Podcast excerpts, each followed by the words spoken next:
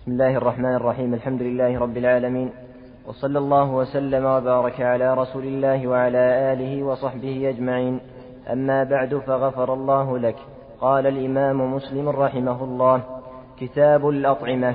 حدثنا أبو بكر بن أبي شيبة وعمر الناقد وإسحاق بن إبراهيم وابن أبي عمر قال إسحاق أخبرنا وقال الآخرون حدثنا سفيان عن عمرو عن عطاء عن ابن عباس رضي الله عنهما قال قال رسول الله صلى الله عليه وسلم إذا أكل أحدكم طعاما فلا يمسح يده حتى يلعقها أو يلعقها. حدثنا هارون بن عبد الله قال حدثنا حجاج بن محمد حاء وحدثنا عبد بن حميد قال أخبرني أبو عاصم جميعا عن ابن جريج حاء وحدثنا زهير بن حرب واللفظ له قال حدثنا روح بن عبادة قال حدثنا ابن جريج قال سمعت عطاء يقول سمعت ابن عباس رضي الله عنهما يقول قال رسول الله صلى الله عليه وسلم إذا أكل أحدكم من الطعام فلا يمسح يده حتى يلعقها أو يلعقها. حدثنا أبو بكر بن أبي شيبة وزهير بن حرب ومحمد بن حاتم قالوا حدثنا ابن مهدي عن سفيان عن سعد بن إبراهيم عن ابن كعب بن مالك عن أبيه رضي الله عنه قال رأيت النبي صلى الله عليه وسلم يلعق أصابعه الثلاث من الطعام ولم يذكر ابن ولم يذكر ابن حاتم الثلاث. وقال ابن أبي شيبة في روايته عن عبد الرحمن بن كعب عن أبيه حدثنا يحيى بن يحيى قال أخبرنا أبو معاوية عن هشام بن عروة عن عبد الرحمن بن سعد عن ابن كعب بن مالك عن أبيه رضي الله عنه قال كان رسول الله صلى الله عليه وآله وسلم يأكل بثلاث أصابع ويلعق يده قبل أن يمسحها. وحدثنا محمد بن عبد الله بن نمير قال حدثنا أبي قال حدثنا هشام عن عبد الرحمن بن سعد أن عبد الرحمن بن كعب بن مالك أو عبد الله بن كعب أخبره عن أبيه عن أبيه كعب رضي الله عنه أنه حدثهم أن رسول الله صلى الله عليه وآله وسلم كان يأكل بثلاث أصابع فإذا فرغ لعقها. وحدثناه أبو كريب قال حدثنا ابن نمير قال حدثنا هشام عن عبد الرحمن بن سعد أن عبد الرحمن بن كعب بن مالك وعبد الله بن كعب حدثا أو أحدهما عن أبيه كعب بن مالك رضي الله عنه عن النبي صلى الله عليه وسلم بمثله. وحدثنا أبو بكر بن أبي شيبة قال حدثنا سفيان بن عيينة عن أبي الزبير عن جابر رضي الله عنه أن النبي صلى الله عليه وسلم أمر بلعق الأصابع والصحفة وقال إنكم لا تدرون في أيه البركة. حدثنا محمد بن عبد الله بن نمير قال حدثنا أبي قال حدثنا سفيان عن أبي الزبير عن جابر رضي الله عنه قال قال رسول الله صلى الله عليه وآله وسلم إذا وقعت لقمة أحد بسم الله الرحمن الرحيم. الحمد لله والصلاة والسلام على رسول الله وعلى آله وصحبه. أما بعد هذه الحديث فيها هذه الآداب آداب الأكل وأنه ينبغي للمسلم أن يعمل بهذه الآداب وهي لعق الأصابع إذا أكل الطعام يلعقها بنفسه أو يلعقها. ولهذا قال النبي لا إذا أكل إذا أكل أحدكم طعاما فلا يمسح يده حتى يلعقها أو يلعقها. يلعقها بنفسه هو أو يلعقها غيره. قالوا من لا يكره من لا يكره من زوجة وخادم أو ولد؟ فإما أن يلعقها بنفسه أو يلعقها غيره. ممن لا يتقدر بذلك من زوجة أو خادم أو ولد. وفيه النهي عن مسحها وأنه ينبغي لا يمسحها بالمنديل حتى يلعقها جاء الحديث الآخر بيان السبب وأنه قال لا فإنكم لا تدرون في أي طعامكم بركة. وفيه أيضا الأكل بثلاث أصابع وهي السبابة والوسطى والإبهام. استحباب الأكل بثلاث أصابع. والأدب الثالث لعق الصحفة. يعني الإناء الذي يكون فيه الطعام. هذه آداب المشهور عند الجمهور أن هذه أن الأوامر إذا كانت في في الآداب تكون للاستحباب. وبهذا قرر النووي قد يستحب للإنسان أن يلعق يده إذا أكل يلعق أصابعه أو يلعقها ويستحب له أن يأكل بثلاث أصابع ويستحب له أن يلعق الإناء. والأصل في الأوامر أنها الوجوب هذا هو الأصل. والظاهرية يرون أن الأوامر الوجوب لكن الجمهور يحملونها على الاستحباب يقول لها في, في الآداب. والنووي قرر هذا. وفيه النهي عن مسح اليد قبل قبل أن يلعقها. وهذا النهي للتنزيه عند الجمهور وللتحريم عند غيرهم وبكل حال ينبغي الإنسان أن يتأدب بالآداب الإسلامية فيحرص على امتثال الأوامر في العقل ولأن أيضا لعق الأصابع يخرجهم من صفات المتكبرين فإن أهل الكبر في الغالب لا لا يلعق يده. بعض أهل الكبر تجده يغسل ويده فيها الطعام ولا يبالي. ينبغي أن يلعق أصابعه. أو يلعقها هذا إذا أكل بيده. وإن أكل بالملعقة يلعق الملعقة. لا يبقي فيها شيء من الطعام. المقصود أن هذه آداب ينبغي المسلم أن يستحب له ويتأكد في حقه أن يعني امتثال الأوامر.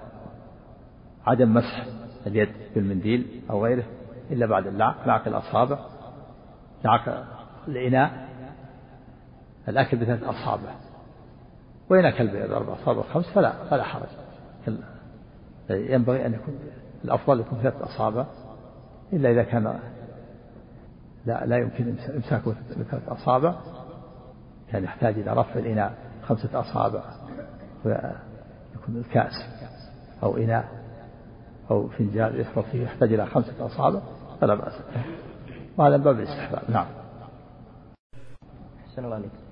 حدثنا محمد بن عبد الله بن نمير قال حدثنا أبي قال حدثنا سفيان عن أبي الزبير عن جابر رضي الله عنه قال قال رسول الله صلى الله عليه وآله وسلم إذا وقعت لقمة أحدكم فليأخذها فليمط ما كان بها من أذى وليأكلها ولا يدع ولا يدع ولا يدعها للشيطان ولا يمسح يده بالمنديل حتى يلعق أصابعه.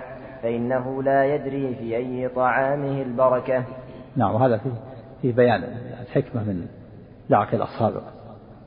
أن ينبغي الإنسان إذا أكل طعاما لا ألا يمسح يده بالمنديل حتى يلعقها فإنه لا يدري في أي طعام البركة. هذه الحكمة.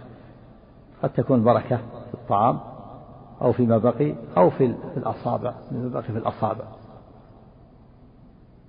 وفيها أيضا من الآداب أنه إذا سقطت اللقمة فإنه يزيل ويميض ما بها من الأذى ثم يأكلها ولا يدعها للشيطان لأنها إذا تركها صارت الشيطان فينبغي له أن يحرص على أخذها وإزالة الأذى وأكلها حتى لا يعين الشيطان بشيء لأن الشيطان عدو والعدو لا لا يعان بشيء. قال الله تعالى إن الشيطان لكم عدو فاتخذوه عدوا. إنما يدعو حزبه ليكونوا من أصحاب السعير. كما أن العدو من الإنس من الإنس لا يعان بشيء ولا يساعد بشيء. فكذلك العدو من الجن لا يعان بشيء. فالعدو من الإنس وهو كافر الحرب لا يعان بشيء. وإعانة الكافر الحرب على المسلم ردة على الإسلام فلا يعان بشيء. ولا يقول الإنسان هذا شيء يسير. فإذا لقى كذلك العدو من الجن وهو الشيطان لا يعان بشيء ولا يقول هذه يسيرة اللقمة يسيرة. لأن نقول لا يعان بشيء مطلقا. ولا ولا لا بقليل ولا بكثير. لأنه إذا تركها فقد عانى فقد عانى الشيطان وساعده. والعدو لا يعان بشيء لا بقليل ولا بكثير. نعم. سواء كان العدو من الجن أو من الإنس. فالعدو من الجن الشيطان والعدو من الإنس الكافر الكافر الحربي. نعم. السلام عليكم. وحدثناه إسحاق بن إبراهيم وأما الكافر غير الحربي هو أهل الذمة ومن دخل بأمن بأمان أو عهد فهذا معلوم أنه أن أنه لا بأس بإعانته ولا بأس ببره وقد يكون هذا من دعوته قال الله تعالى لا ينهاكم الله عن الذين يقاتلكم في الدين ولم يخرجوكم من دياركم أن تبروهم وتقسطوا إليهم إن الله يحب المقسطين. الصحابة كانوا في المدينة يرسلون إلى بعض أقربائهم من الكفار في وقت الهدنة. فعمر رضي الله عنه أرسل حلة إلى إلى أخ له مشرك بمكة حلة حرير لما كان لا يلبسها. وأسماء استفتت النبي صلى الله عليه وسلم أن تبرأ أمها وكانت مشركة فأفتى بأن تبرها وقد يكون هذا من دعوته إلى الإسلام. حتى قالوا يجوز الوقف أيضا على الكافر غير الحربي الذمي. يقف عليه شيء إذا كان من الأقارب. أما الكافر الحربي فلا يعان بشيء مطلقا. لا بقليل ولا بكثير. حتى الماء لا يعان يترك حتى يموت. بل ليس بينه وبينه إلا الحرب الكافر الحربي. نعم. فالعدو لا يعان بشيء. العدو من الإنس والعدو من الجن. ومن إعانة العدو من الجن أن تترك الطعام تترك اللقمة إذا سقطت. نعم.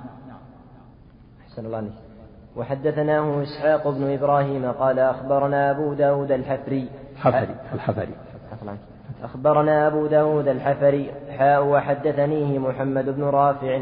قال حدثنا عبد الرزاق كلاهما عن سفيان بهذا الإسناد مثله.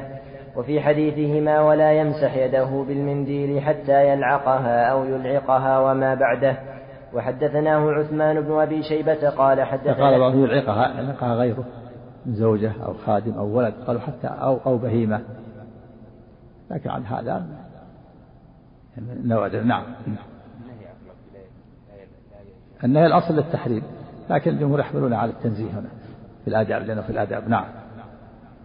أحسن الله عليك وحدثنا عثمان بن أبي شيبة قال حدثنا جرير عن الأعمش عن أبي سفيان عن جابر رضي الله عنه قال سمعت النبي صلى الله عليه وسلم يقول إن الشيطان يحضر أحد إن الشيطان يحضر أحدكم عند كل شيء من شأنه حتى يحضره عند طعامه فإذا سقطت من أحدكم اللقمة فليمط ما كان بها من أذى ثم ليأكلها ولا يدعها للشيطان فإذا فرغ فليلعق أصابعه.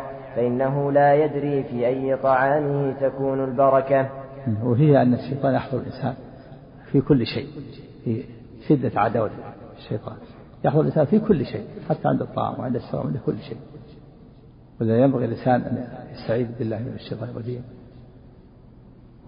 ولهذا شرع الإنسان التسمية عند الأكل وعند الشرب وعند الدخول دخول المنزل وعند دخول, دخول الخلاء. هذا في حماية للمسلم وصيانة له من الشيطان. الشيطان يحضر الإنسان عند كل شيء كل شيء في كل شأن من شأنه. نعم. الله عليك لأنه حريص على إغواء بني آدم وإيصال الأذى والضرر إليهم بكل طريق. نعم. عدو والعدو لا يألو جهدا في في إيصال الضرر إلى عدوه إن الشيطان لكم عدو فاتخذوه عدوا.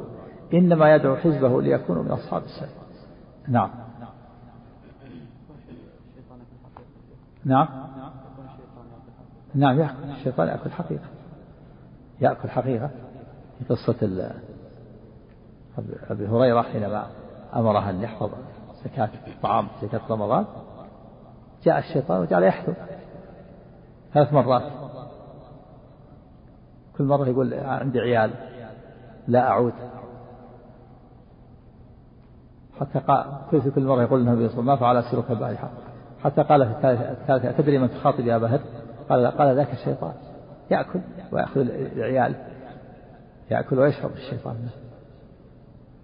وفي الحديث وكما مر الحديث إن الشيطان يأكل بالشمال ويشرب بالشمال لا يأكل أحدكم بالشمال ولا يشرب بالشمال فإن الشيطان يأكل بالشمال ويشرب بالشمال صريح. إن الشيطان يأكل ويشرب لكن يشرب بالشمال. فلا ينبغي المسلم أن يشابه الشيطان أن يأكل باليمين. صريح يأكل ويشرب. حقيقة نعم. نعم. أحسن الله عليك. وحدثناه أبو والجن يأكلون ويشربون. ولما جاء جاء الجن من نصيب وسأل النبي صلى الله عليه وسلم الطعام قال لكم كل عظم ذكر اسم الله عليه. يعود أوفر ما كان عليه لحما. وكل بعرة عرف لدوابه هذا صحيح أن يأكلون يعود اللحم عليه ويأكلونه؟ ما في إشكال؟ والجن ومن أسلم منهم لا يسمى شيطانا ومن لم يسلم يسمى شيطان. الشيطان هو الكافر من الجن. كافر من الجن شيطان. فالجن لهم طعام كافرهم ومسلمهم يأكلون. نعم.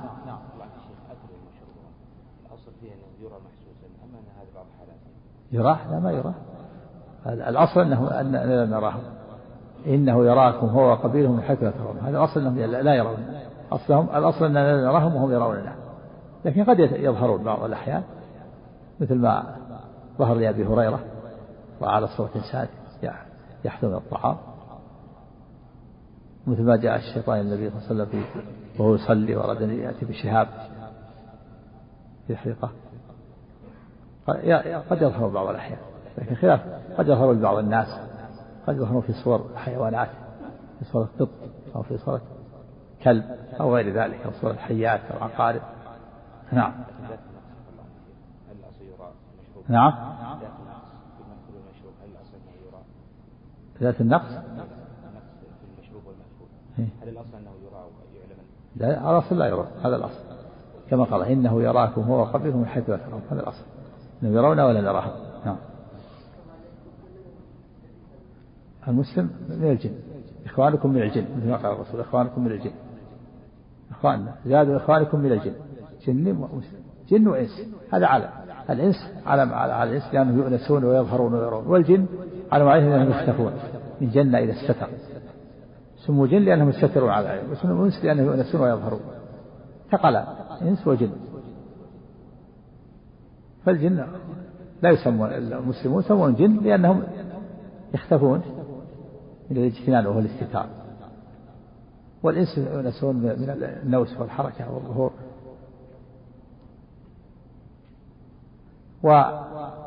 والمسلم هو الموحد الذي يعبد الله من الجن والإنس. والكافر هو الذي لا يعبد الله والذي أشرك مع الله من الإنس يسمى كافر ومن الجن يسمى شيطان. قد يسمى وكذلك أيضا من الإنس يسمى الشيطان المتمرد من كل شيء يسمى الشيطان شياطين الجن والإنس يوحي بعضهم بعض الزخرف القول غرورا. وكذلك المتمرد من الحيوانات يسمى الشيطان كل متمرد يسمى الشيطان نعم. نعم. يا أيها الناس اعبدوا ربكم الذي خلقكم. نعم. من النوس هو الحركة. قد يشمل يشمل الصنفين والآيات جاءت فيها أيضا خطاب الجن والإنس. يا معشر الجن والإنس. نعم. وما خلقت الجن والإنس إلا ليعبدون. نعم. والجن قدموا على الإنس لأنهم أكثر. قدموا على وما خلقت الجن والإنس إلا ليعبدون. كانوا أكثر. أكثر من الإنس. نعم. نتخيل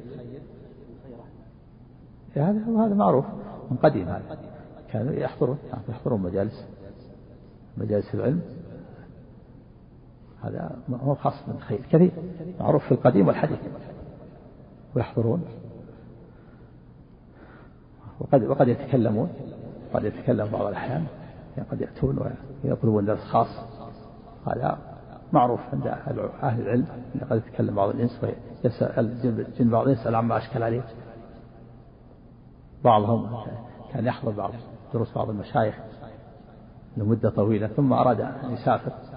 فودع الشيخ بعد ما انتهى الدرس قال تكلم من الجن. وقال نحضر الدرس لمدة طويلة ونحن الآن نريد السفر نودعكم نودعكم استودع الله دينكم وأمانتكم. نعم. نعم. وحدثنا يتعلمون ويطلبون العلم وهذا معروف الآن حتى عند بعض القراء اللي يقرؤون يعرفون بعض الجن يقولون يحضرون. يحضرون بعض الدروس معهم كتب مثل الإنس يحضر بلوغ المرام مثل كذا ويحضرون يستفيدون نعم يتعلمون. هم مكلفون مثل الإنس الجن مثل الإنس فيهم الكافر وفيهم المؤمن وفيهم السني وفيهم الرافضي وفيهم الخارجي وفيهم الإباضي وفيهم الباطني كما قال الله تعالى وأن منا الصالحون ومنا دون ذلك كنا طرائق قددا من الكافر مثل مثل الإنس الجن مثل الإنس فيهم مبتدعة وفيهم سنة وفيهم يهود وفيهم نصارى وفيهم رافضة وفيهم وثنيين. نعم. وهذا يتكلمون يتلبسون بالإنس يتكلمون. بعضهم يتكلم يقول إنه رافضي بعضهم يقول إنه نصراني بعضهم يقول إنه يهودي بعضهم يقول إنه مسلم. نعم. أحسن الله عليك وحدثناه أبو كريب وإسحاق بن إبراهيم جميعا عن أبي معاوية عن الأعمش بهذا الإسناد. إذا سقطت لقمة أحدكم إلى آخر الحديث ولم يذكر أول الحديث إن الشيطان يحضر أحدكم. وحدثنا أبو بكر بن أبي شيبة قال حدثنا محمد بن فضيل عن الأعمش عن أبي صالح وأبي سفيان عن جابر عن النبي صلى الله عليه وآله وسلم هذا بلغ لي بعض الإخوان ما أدري عن جلاء عن الجلاء اللي في الخرج أو كذا عنه وأنهم تكلموا مع بعض الجن وكذا وأنهم قالوا هم كانوا يحضرون دروس سماحة الشيخ الشيخ بن باز رحمه الله يحضرونه يحضرون الدروس ويستفيدون وأنهم يحضرون من قديم. هذا معروف. نعم. وحدثنا في ذكر اللعق وعن أبي سفيان عن جابر عن النبي صلى الله عليه وسلم وذكر اللقمة نحو حديثهما. وحدثني محمد بن حاتم وأبو بكر بن نافع العبدي قال حدثنا بهز قال حدثنا حماد بن سلمة قال حدثنا ثابت عن أنس رضي الله عنه أن رسول الله صلى الله عليه وسلم كان إذا أكل طعاما لعق أصابعه الثلاث. قال وقال وإذا الثلاث الوسطى والسبابة والإبهام. نعم. قال وقال وإذا سقطت لقمة أحدكم فليمط عنها الأذى وليأكلها ولا يدعها للشيطان.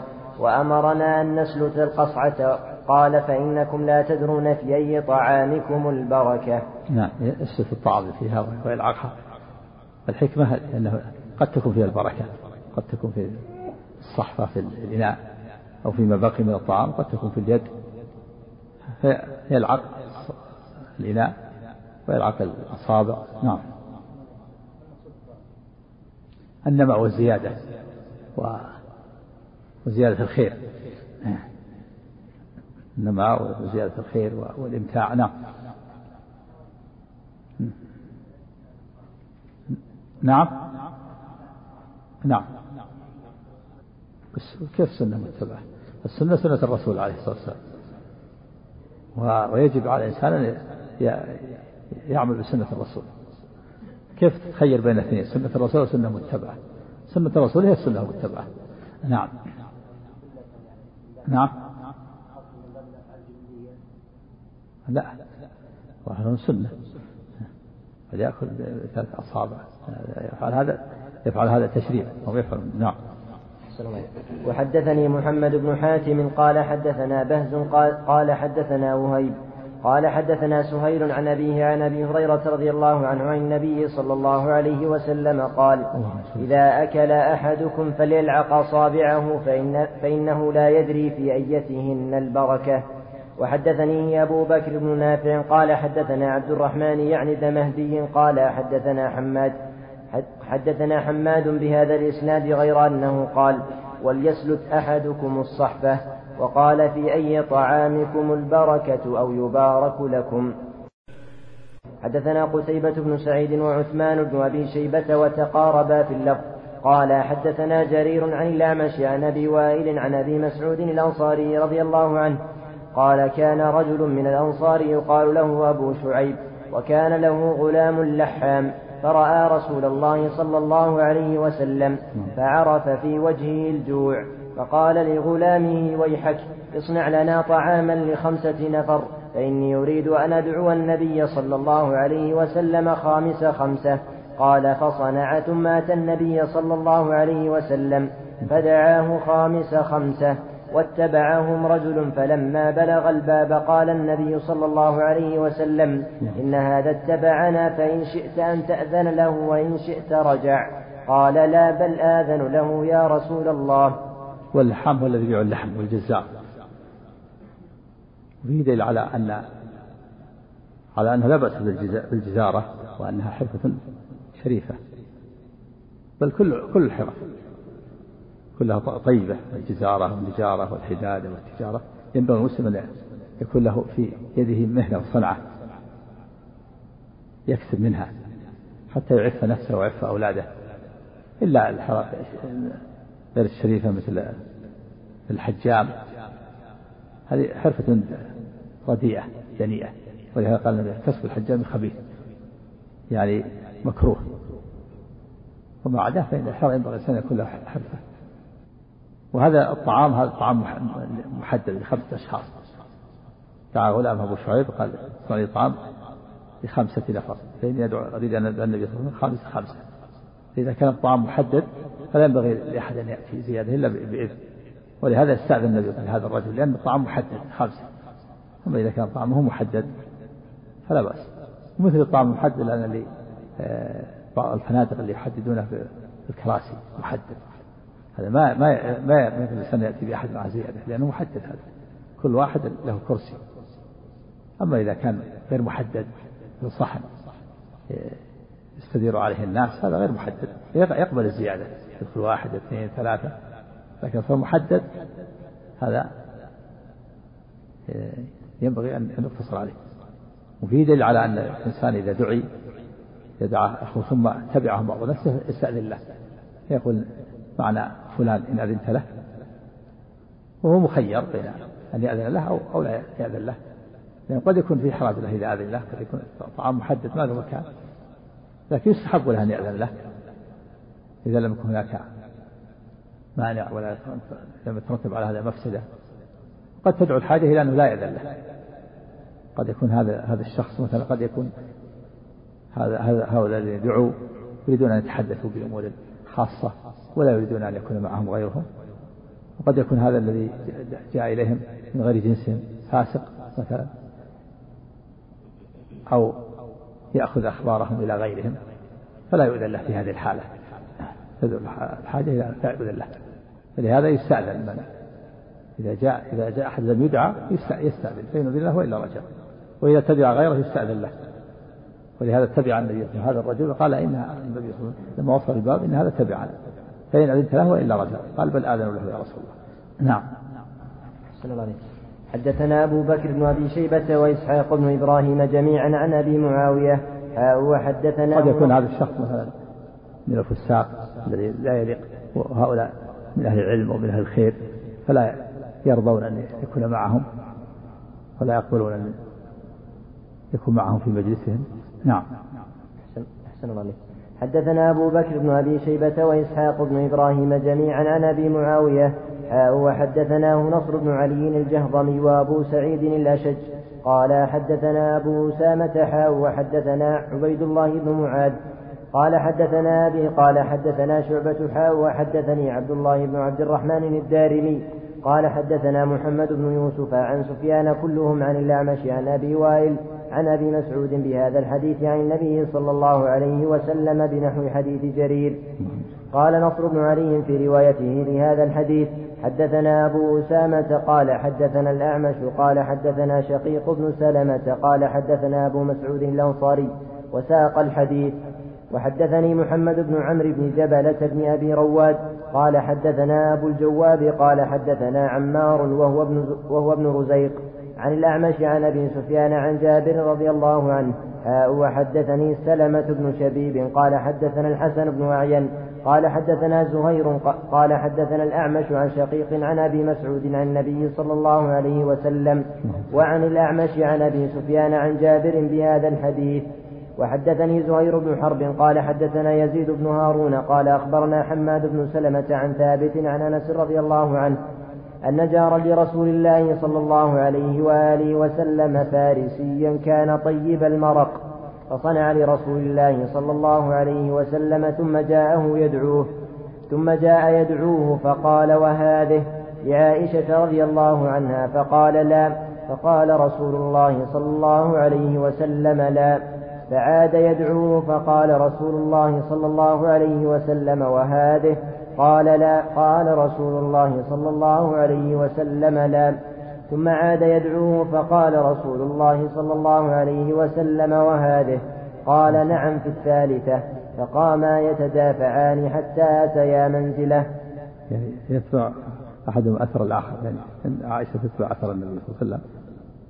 وفي هذا في دل على على أنه لا بأس بأكل الطيبات والتمتع بها.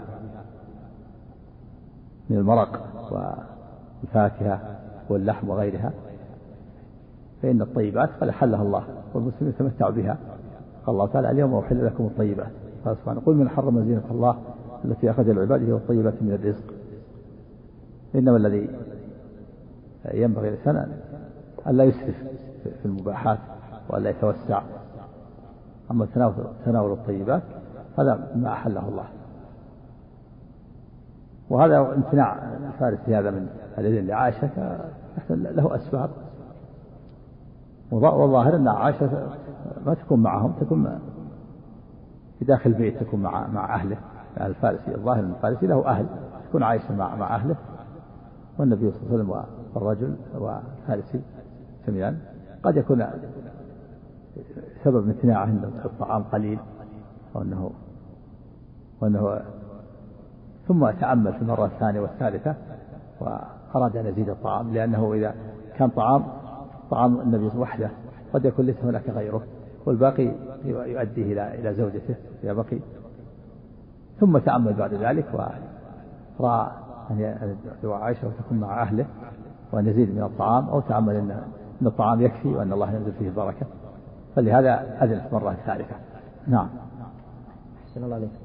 حدثنا أبو بكر بن أبي شيبة قال حدثنا خلف بن خليفة عن يزيد بن كيسان عن أبي حازم عن أبي هريرة رضي الله عنه قال خرج رسول الله صلى الله عليه وسلم ذات يوم أو ليلة فإذا هو عمن؟ عن أبي هريرة نعم أبي هريرة نعم قال خرج رسول الله صلى الله عليه وسلم ذات يوم أو ليلة فإذا هو بأبي بكر وعمر رضي الله عنهما فقال ما أخرجكما من بيوتكما هذه الساعة. قال الجوع يا رسول الله. قال وأنا والذي نفسي بيده لأخرجني الذي أخرجكما. قوموا. فقاموا معه فأتى رجلا من الأنصار فإذا هو ليس في بيته. فلما رأته المرأة قالت مرحبا وأهلا. فقال لها رسول الله صلى الله عليه وسلم. فأين فلان؟ قالت ذهب يستعذب لنا من الماء. إذ جاء الأنصاري فنظر إلى رسول الله صلى الله عليه وسلم وصاحبيه ثم قال الحمد لله ما أحد اليوم أكرم أضيافا مني. قال فانطلق فجاءهم بعبط فيه بسر وتمر ورطب. فقالوا فقال كلوا من هذه وأخذ المدية فقال له رسول الله صلى الله عليه وآله وسلم. المدية السكين نعم.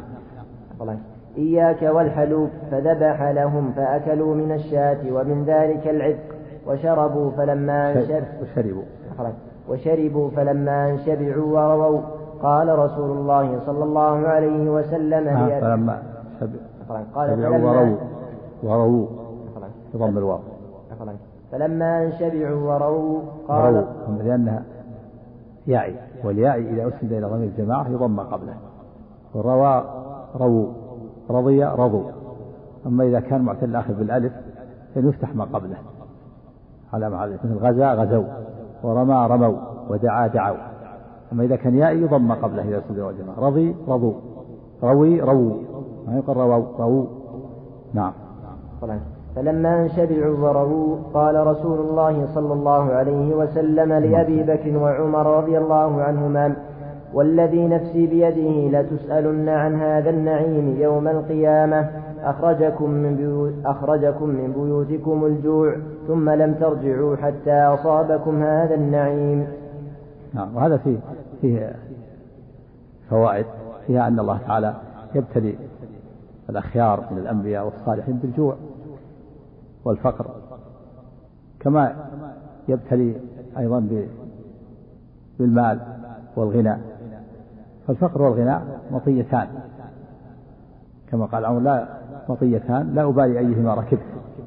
والمسلم إذا افتقر وجاع تضرع إلى الله وصبر. وإذا شبع واغتنى شكر وحمد الله. هكذا المسلم. يكون صابر عند البأساء والشدة.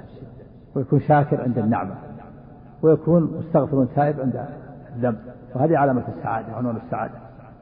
الإنسان يتقلب بين هذه الأحوال الثلاثة إما في شدة فيحتاج إلى الصبر وإما في سعة ورخاء يحتاج إلى الشكر وإما في ذنب أصاب ذنبا يحتاج إلى التوبة.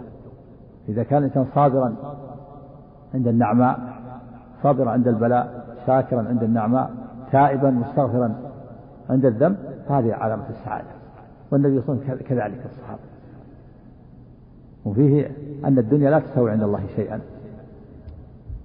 ولو كانت تساوي عند الله شيئا لما سقى كافر منها شربة ماء. وفيه دليل على أن الدنيا يعطيها الله من يحب ومن لا يحب ولا يعطي الدين إلا من يحب. هذا رسول الله خير الناس وأفضل الناس وصابه الجوع والشدة.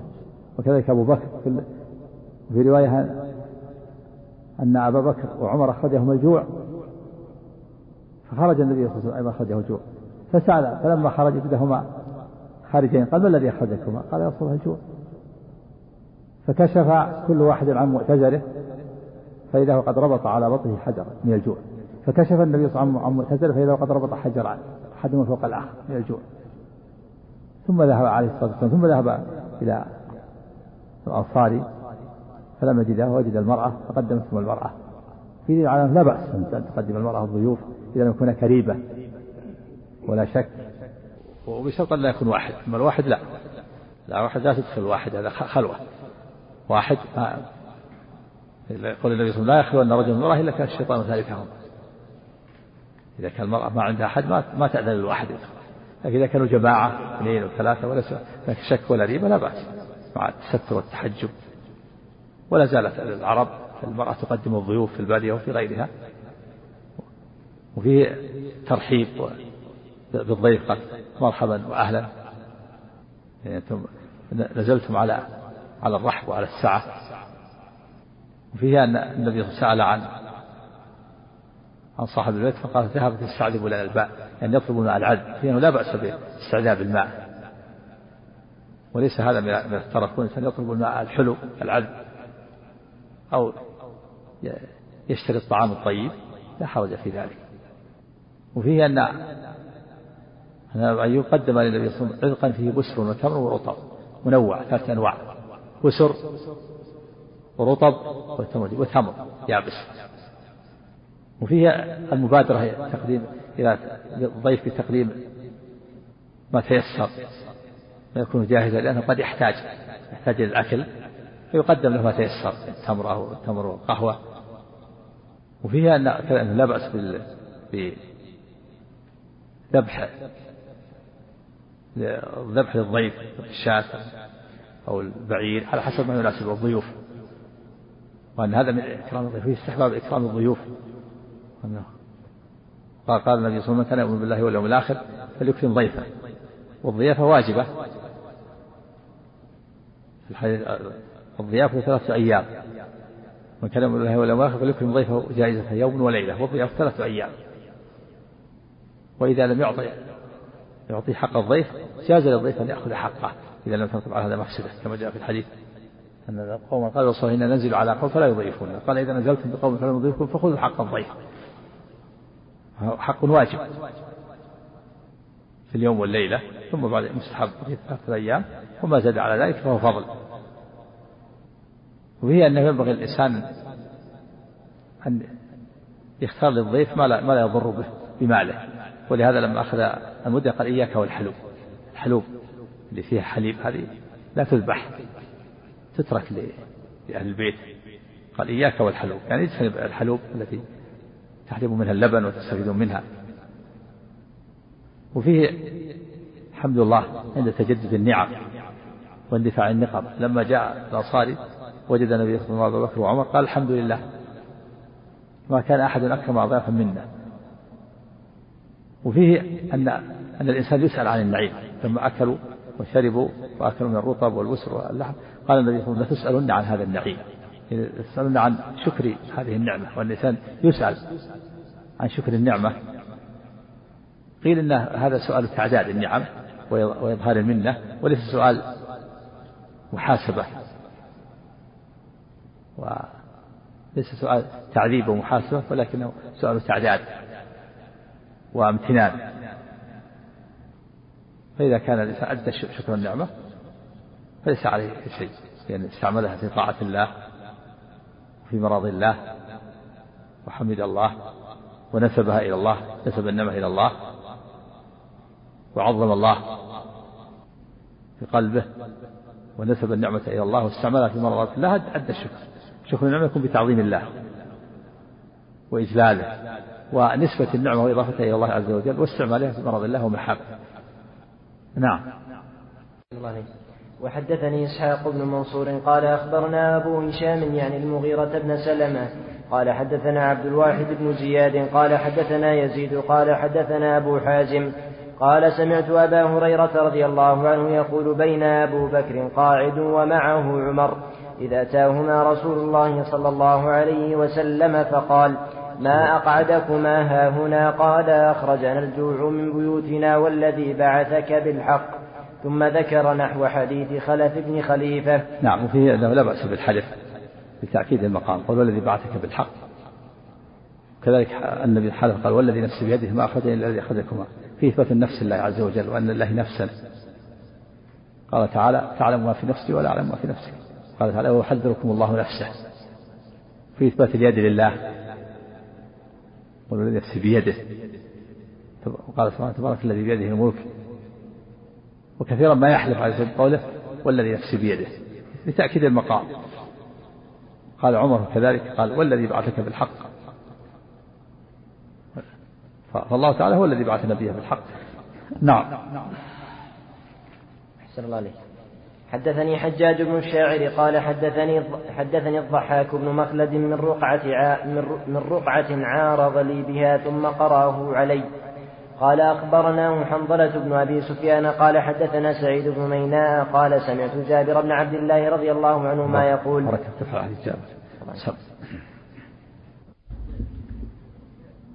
نعم. ضيف اللي خارج البلد الغالب. وقد يكون بداخل البلد قد يكون محتاج محتاج الأصل أنه اللي يقدر خارج البلد. هذا هو الأصل. لأن في البلد غالب يكون له أهل. يكون عنده أحد وعنده في البلد مع عنده أهله وعنده بيته يرجع إلى بيته. لكن الضيف الذي يأتي من خارج خارج البلد ليس له معه أهل ولا ضيف. نعم. نعم. لا ما ما يمنع. ليس كل الناس يستطيع الفنادق أو الفنادق لكن المدن الآن ضاعت ضاعت فيها كثير من من السنن والأدب. نعم صار كثير من الناس ما يعرف السنة الآن. لو جاء ضيف إنسان قال ماذا تريد؟ اذهب في المطاعم عندك. نعم. لكن في البادية وفي القرى معروف. لا تزال السنة ظاهرة نعم. الله أعلم. لا هذا يجوز. هذا يأكل وسط الملعب نعم.